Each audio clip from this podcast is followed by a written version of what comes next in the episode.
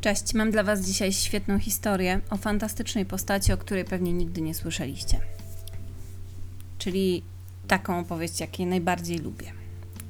Anna Tomaszewicz urodziła się w 1854 roku w Muławie. O Muławie pewnie słyszeliście, być może, że istnieje, być może niewiele więcej. Jej ojciec był oficerem rosyjskiej żandarmerii, a matka Jadwiga pochodziła ze szlacheckiej rodziny. To była niezwykła rodzina, niezwykła jak na tamte czasy, ponieważ e, wszystkie swoje dzieci znakomicie wykształcili, a przynajmniej dali im taką możliwość, nie wykluczając dziewcząt. Anna ukończyła z wyróżnieniem pensję pani Paszkiewiczowej w Warszawie ale podczas nauki wpadła na pomysł, że zostanie lekarką. Na początku rodzice jakby trochę nie akceptowali planów piętnastolatki ze względów głównie obyczajowych, e, ale także ekonomicznych, ponieważ kształcenie było bardzo drogie.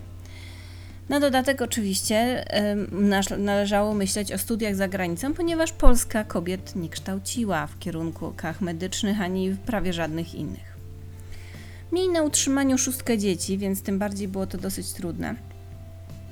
Anna tak długo przekonywała jednak ojca, e, rodziców, ale głównie ojca, bo to no, takie były czasy, że on miał jakby ostateczną decyzję do podjęcia, że wręcz e, podjęła strajk głodowy.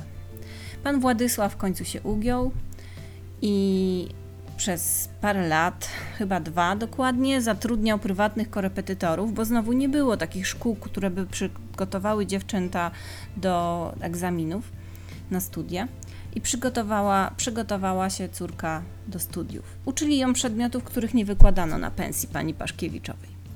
No, czyli biologii, fizyki, chemii, francuskiego, niemieckiego, łaciny.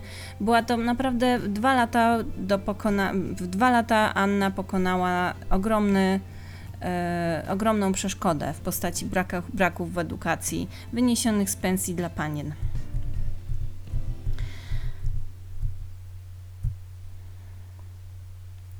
To były, pamiętamy, jest koniec lat 60. XIX wieku i wtedy przeróżni uczeni, powiedzmy, i pedagodzy e, dostarczali społeczeństwu argumentów, wedle których studia wyższe dla kobiet były, e, mówiąc, no, cytując ich, zamachem na cywilizację chrześcijańską i wartości kultury europejskiej.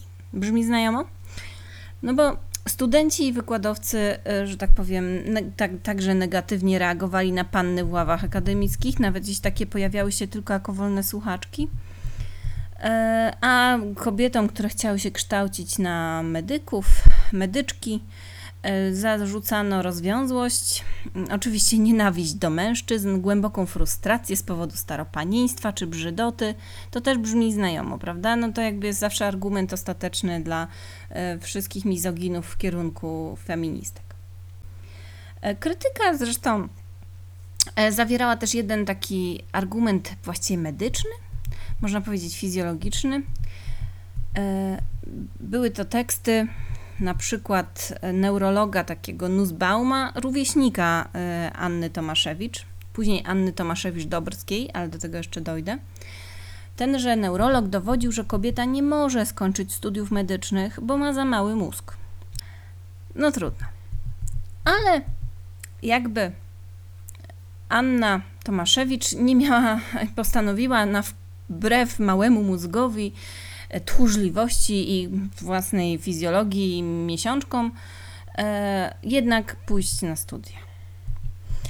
Zgorszenie jednak opinii publicznej budził fakt, że lekarki będą oglądać i dotykać nagich ludzi.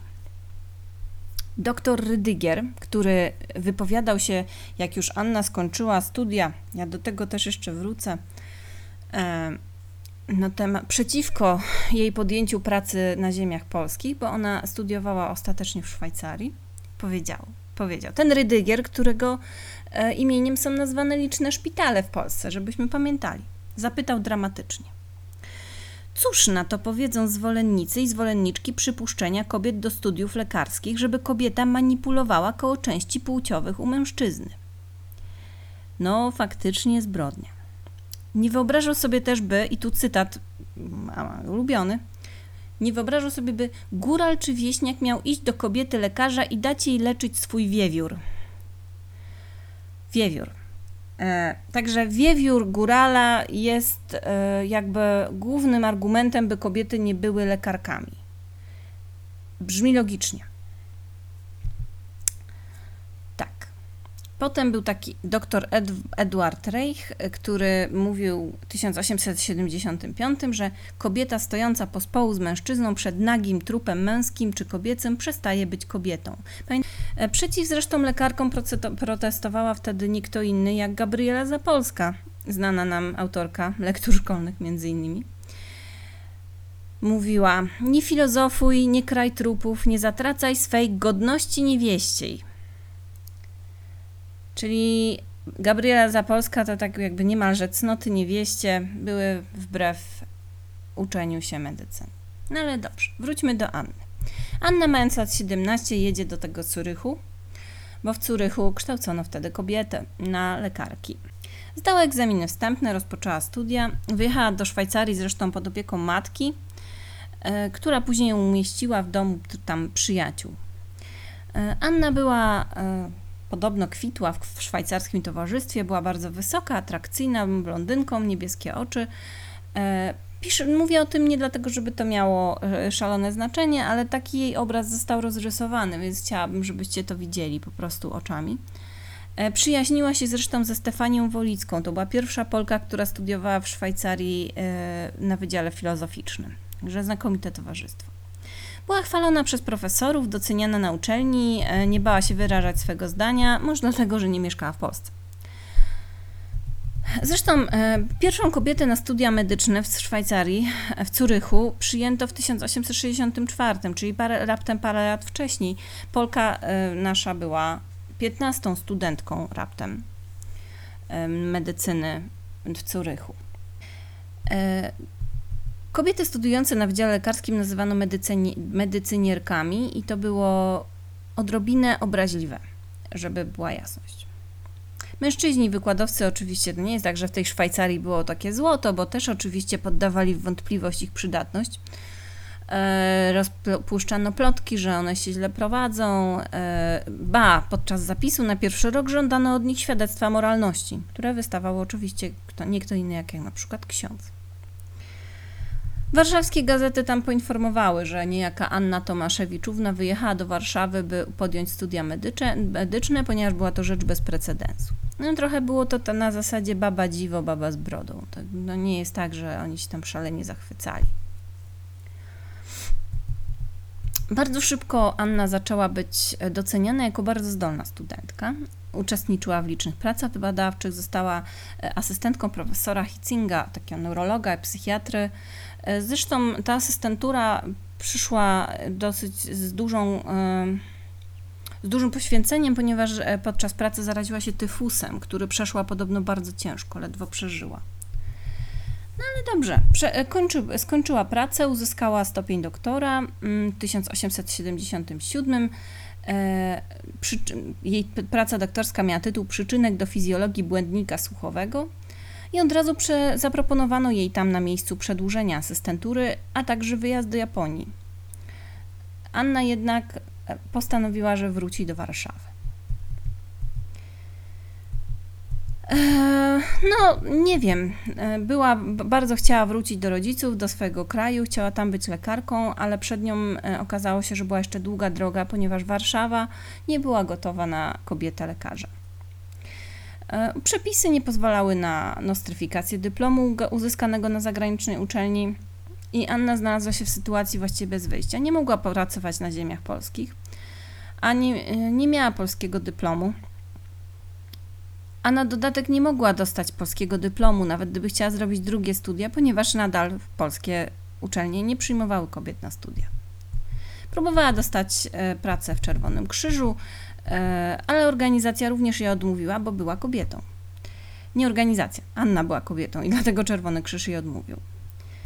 Nie miała trochę wyboru i postanowiła wyjechać do Rosji, e, bo tam miała szansę zaliczyć dodatkowe zajęcia i zdać egzaminy pozwalające na pracę w królestwie.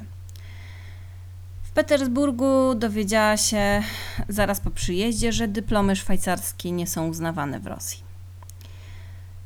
Pisała zresztą o tym do Orzeszkowej, z którą się przyjaźniła.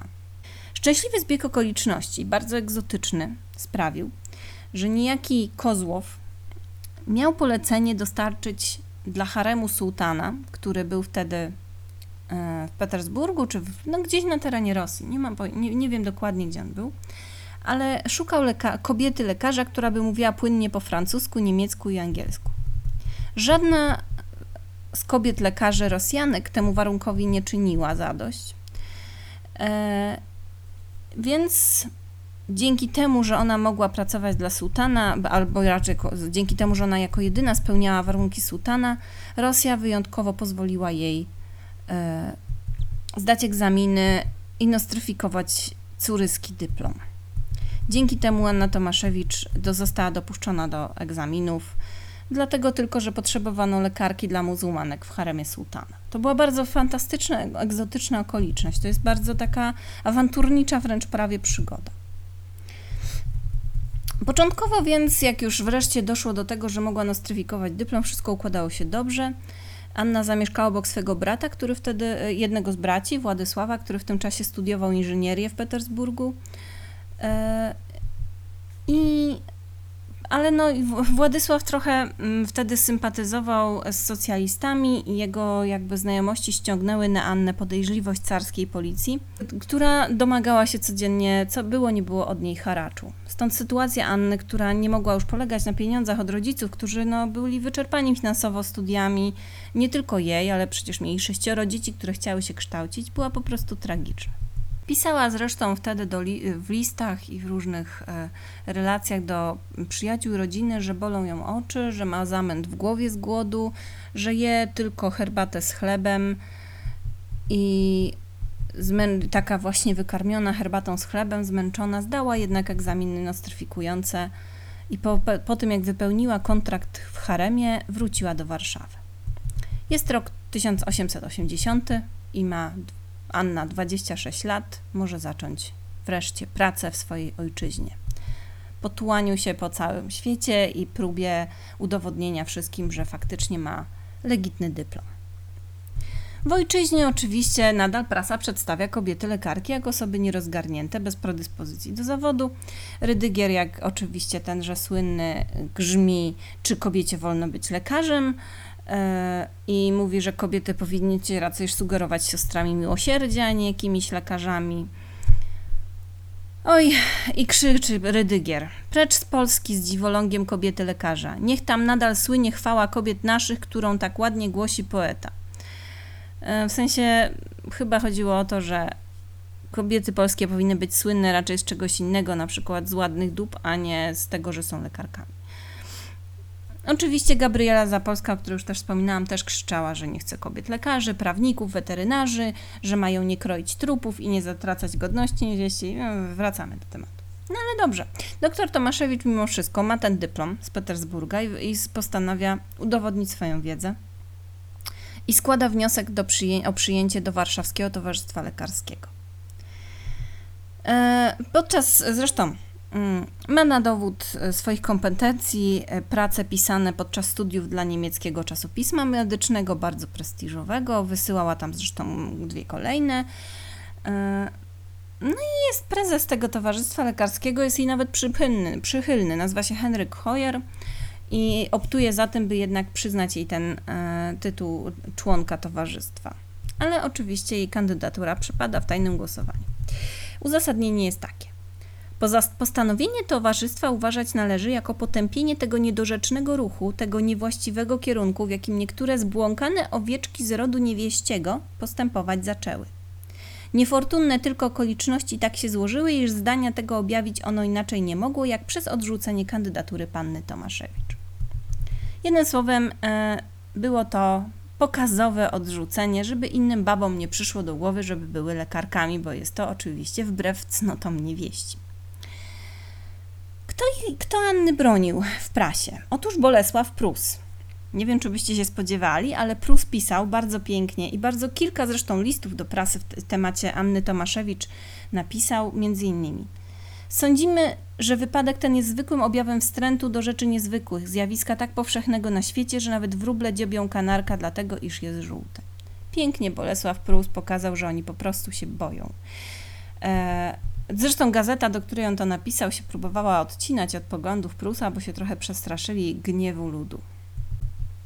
E, oczywiście no, były też argumenty, że kobiety nie mogą być lekarzami, bo nie mają brody. To tak mi się przypomniało, to też taka ciekawostka. E, w pewnym momencie jednak e, przepisy nakazują uznawać dyplomy e, z rosyjskie, w związku z tym jej dyplom, mimo braku e, przyjęcia do towarzystwa lekarskiego, jest ważny. Pytanie tylko, kto ją przyjmie do pracy. Cóż, nie może iść do szpitala żadnego mm, ogólnego, ponieważ jej tam zwyczajnie nie przyjmą, bo jest kobietą. Za, może zacząć własną praktykę w Warszawie, ale to jest bardzo kosztowne. Więc zajmuje się tym, co jeszcze mogło jakoś ujść w konserwatywnej Warszawie, czyli leczeniem kobiet i dzieci. Cóż, w międzyczasie poznaje ona laryngologa Konrada Dobrowskiego, który zresztą też bardzo ładnie bronił ją w prasie, z którym ma później jednego syna Ignacego, e, ale e, jakby drogi małżonków się dość szybko rozchodzą. Nie wydaje mi się jednak, by to było wrogie rozejście. Po prostu oboje byli bardzo zapracowani, zarówno Konrad, jak i Anna. E, zresztą kolegą Konrada Dobrskiego był Henryk Sienkiewicz. Pisał zresztą do męża Anny w połowie lat 60., jeszcze zanim ten do Annę poznał. Jesteś gniewliwy, kłótliwy i zimny. Tak przynajmniej utrzymują tobie wszyscy. Ja podzielam w części to zdanie i jako niezawodne remedium na nosorożcowatość uważam młodą i ładną żonę, która by cię jakoś nauczyła pieszczot, bo słowo daje nie wiem, czy byś ty umiał żonę pieścić. A dosyć to urocze.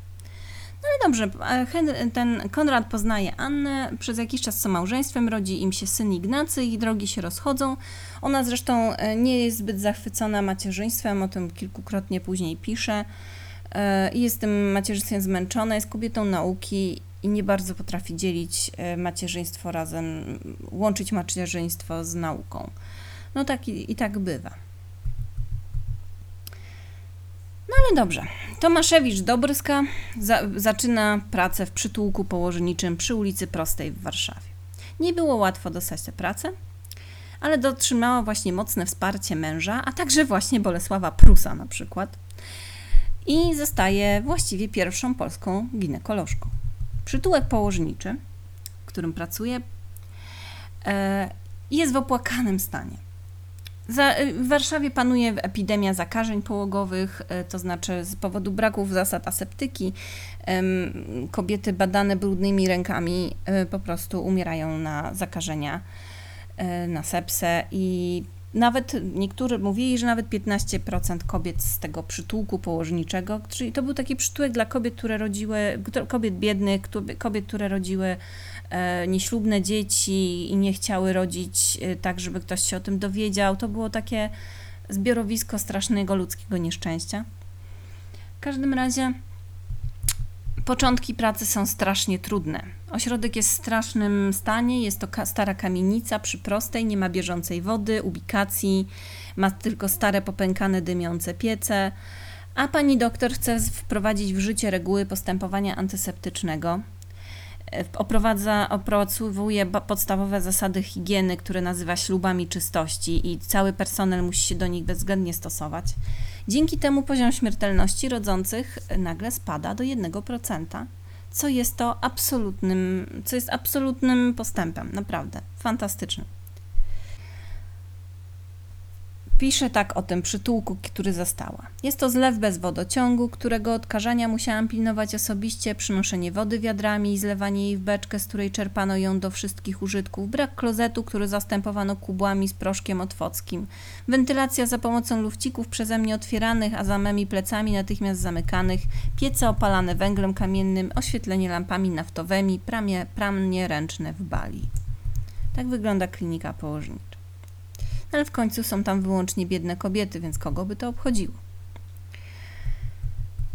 Więc Tomaszewicz Dobrska walczy z bakteriami, z brakiem pieniędzy, a także z przesądami związanymi z porodami. E, musi kontrolować akuszerki. Na początku pracy ma tylko jedną, potem dwie, więc są właściwie to tylko trzy kobiety na cały ten szpital. A akuszerki posługiwały się swojej pracy jakby zestawem zabobonów, z którymi Dobryska walczyła. E, Przypominam, że to były czasy, kiedy stosowano w porodach zabie- zabiegi nie tyle medyczne, ile magiczne. No ale Anna Tomaszewicz-Dobrska walczy, używa kilogramy karbolu, lizolu, jodoformu, spirytusu, myje pomieszczenia, narzędzia, same rodzące siebie. E, są to substancje generalnie śmierdzące, żrące, toksyczne, ale skuteczne. Jedyne, jakie były wtedy realnie działające.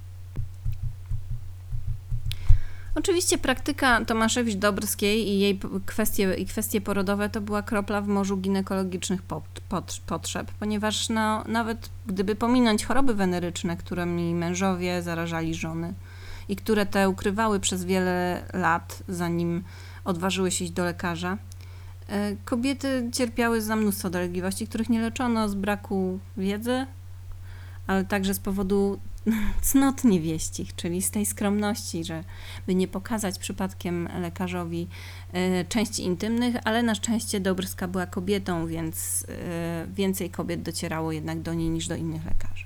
Kobiety nie, wtedy nie wie- wiedziały niewiele na temat menstruacji, zapłodnienia, ciąży, porodu e, i Dobrska chciała być, chciała kobietę także edukować w tym temacie. Po wielu latach doświadczenia w ogóle pracy w przytułku, Anna e, uważała zresztą, że posiadanie dzieci to zagrożenie. Nie tylko dla zdrowia i życia kobiety, bo wiemy jak było, ale także dla jej osobowości. Pod koniec życia mówiła, że bujanie instynktu płciowego jest piętą achillesową mężczyzny, garbem na osobowości kobiety. Że oswobodzenie kobiet i wyzwolenie dziecka z fuszerki wychowawczej rodzicielskiej wiążą się nierozerwalnie. Czyli Uważała, że w ogóle wychowywanie dzieci jest trudne. Wiązanie się w, w, to wychowaw- w tą misję wychowawczą obciąża kobiecą osobowość i uniemożliwia jej e, rozwój. Nie dziwię się jej poglądom, bo żyła w świecie, który jej utrudniał absolutnie wszystko. Jakby uważała, że kobiety skazane na wielokrotne rodzicielstwo z braku antykoncepcji nie mogły przecież się tak naprawdę wyemancypować. No tak, także doktor Anna, jako że tak, jak już mówiłam, jako pierwsza w Warszawie wykonała cięcie cesarskie, szkoliła personel, szkoliła położnice, wykształciła ponad 300 położnych, 23 lekarzy położników, opublikowała kilkadziesiąt artykułów medycznych o metodach leczniczych stosowanych w jej placówce, ale także o poziomie spo- życia społeczności polskiej na tle, Europy, na tle Europy. Ponieważ kto jak nie ona miała wgląd w to, jak żyją zwykli ludzie. Pra- Przepracowała w, w zawodzie prawie 30 lat. Pod koniec życia jest właściwie już, y, czasy się trochę zmieniają. Jest już jednym z najbardziej wziętych lekarzy w stolicy, który biedne leka- le- pacjentki leczy za darmo, a czasami wspomaga finansowo. E, Za pieniądze leczy oczywiście te bogatsze.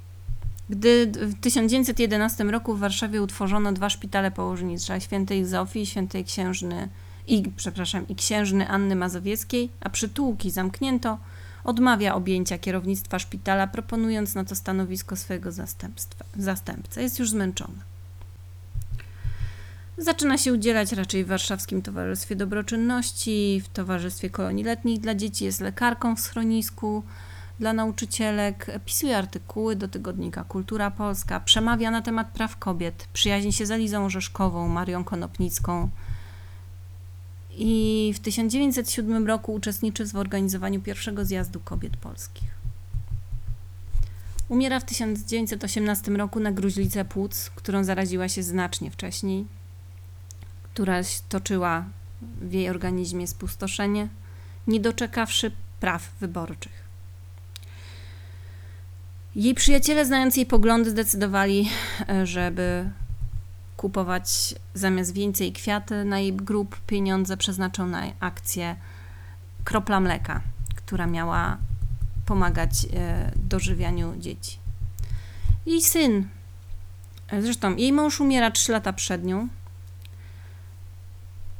E, Anna pisze, pisuje wtedy listę do jej syna, który mm, jest wtedy na kanadyjskim stepie i hoduje mustangi. Nie żartuję, naprawdę. Jej syn hodował mustangi w Kanadzie.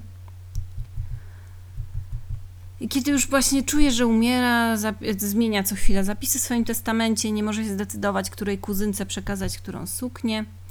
Ignacy, syn, przyjeżdża z Kanady, by się z nią pożegnać, ale w dniu śmierci ona nie pozwala opiekującej się nią siostrzenicy budzić syna i przyprowadzać go do jej sypialni. Każe się umyć, przebrać i umiera. Podobno chciała synowi oszczędzić widoku bólu i bólu i umierania, a może po prostu chciała być sama. Gazety, jak z- tak zwykle chciały, chętnie pisały o niej różne rzeczy, ale tak o jej śmierci prawie nie wspominają. Jest parę pojedynczych kapitów, które informują głównie o tym, że zostawiła sporą sumę na fundację Kropla Mleka, która żywiła z dzielnic, niemowlęta z dzielnic biedoty, gdzie ona stale niemalże przebywała. W czerwcu zresztą 1918 roku, kiedy ona umiera, Polacy są pochłonięci innymi wydarzeniami, większymi niż śmierć pierwszej kobiety lekarza. Na pogrzebie na Powązkach nie ma tłumów. Być może Anna Tomaszewicz-Dobrska byłaby z tego zadowolona, bo ona tłumów nie lubiła. I tak umiera pierwsza polska kobieta lekarz, która walczyła o to, by być polską kobietą lekarzem, która była tu właściwie niechciana, a zrobiła tak dużo dla polskich kobiet w tamtych czasach. I myślę, że być może parę szpitali mogłoby nazwać się jej imieniem. Bo Rydygier, nie wiem, pewnie zrobił sporo dobrych rzeczy, ale nie czuję do niego takiej sympatii. Do usłyszenia.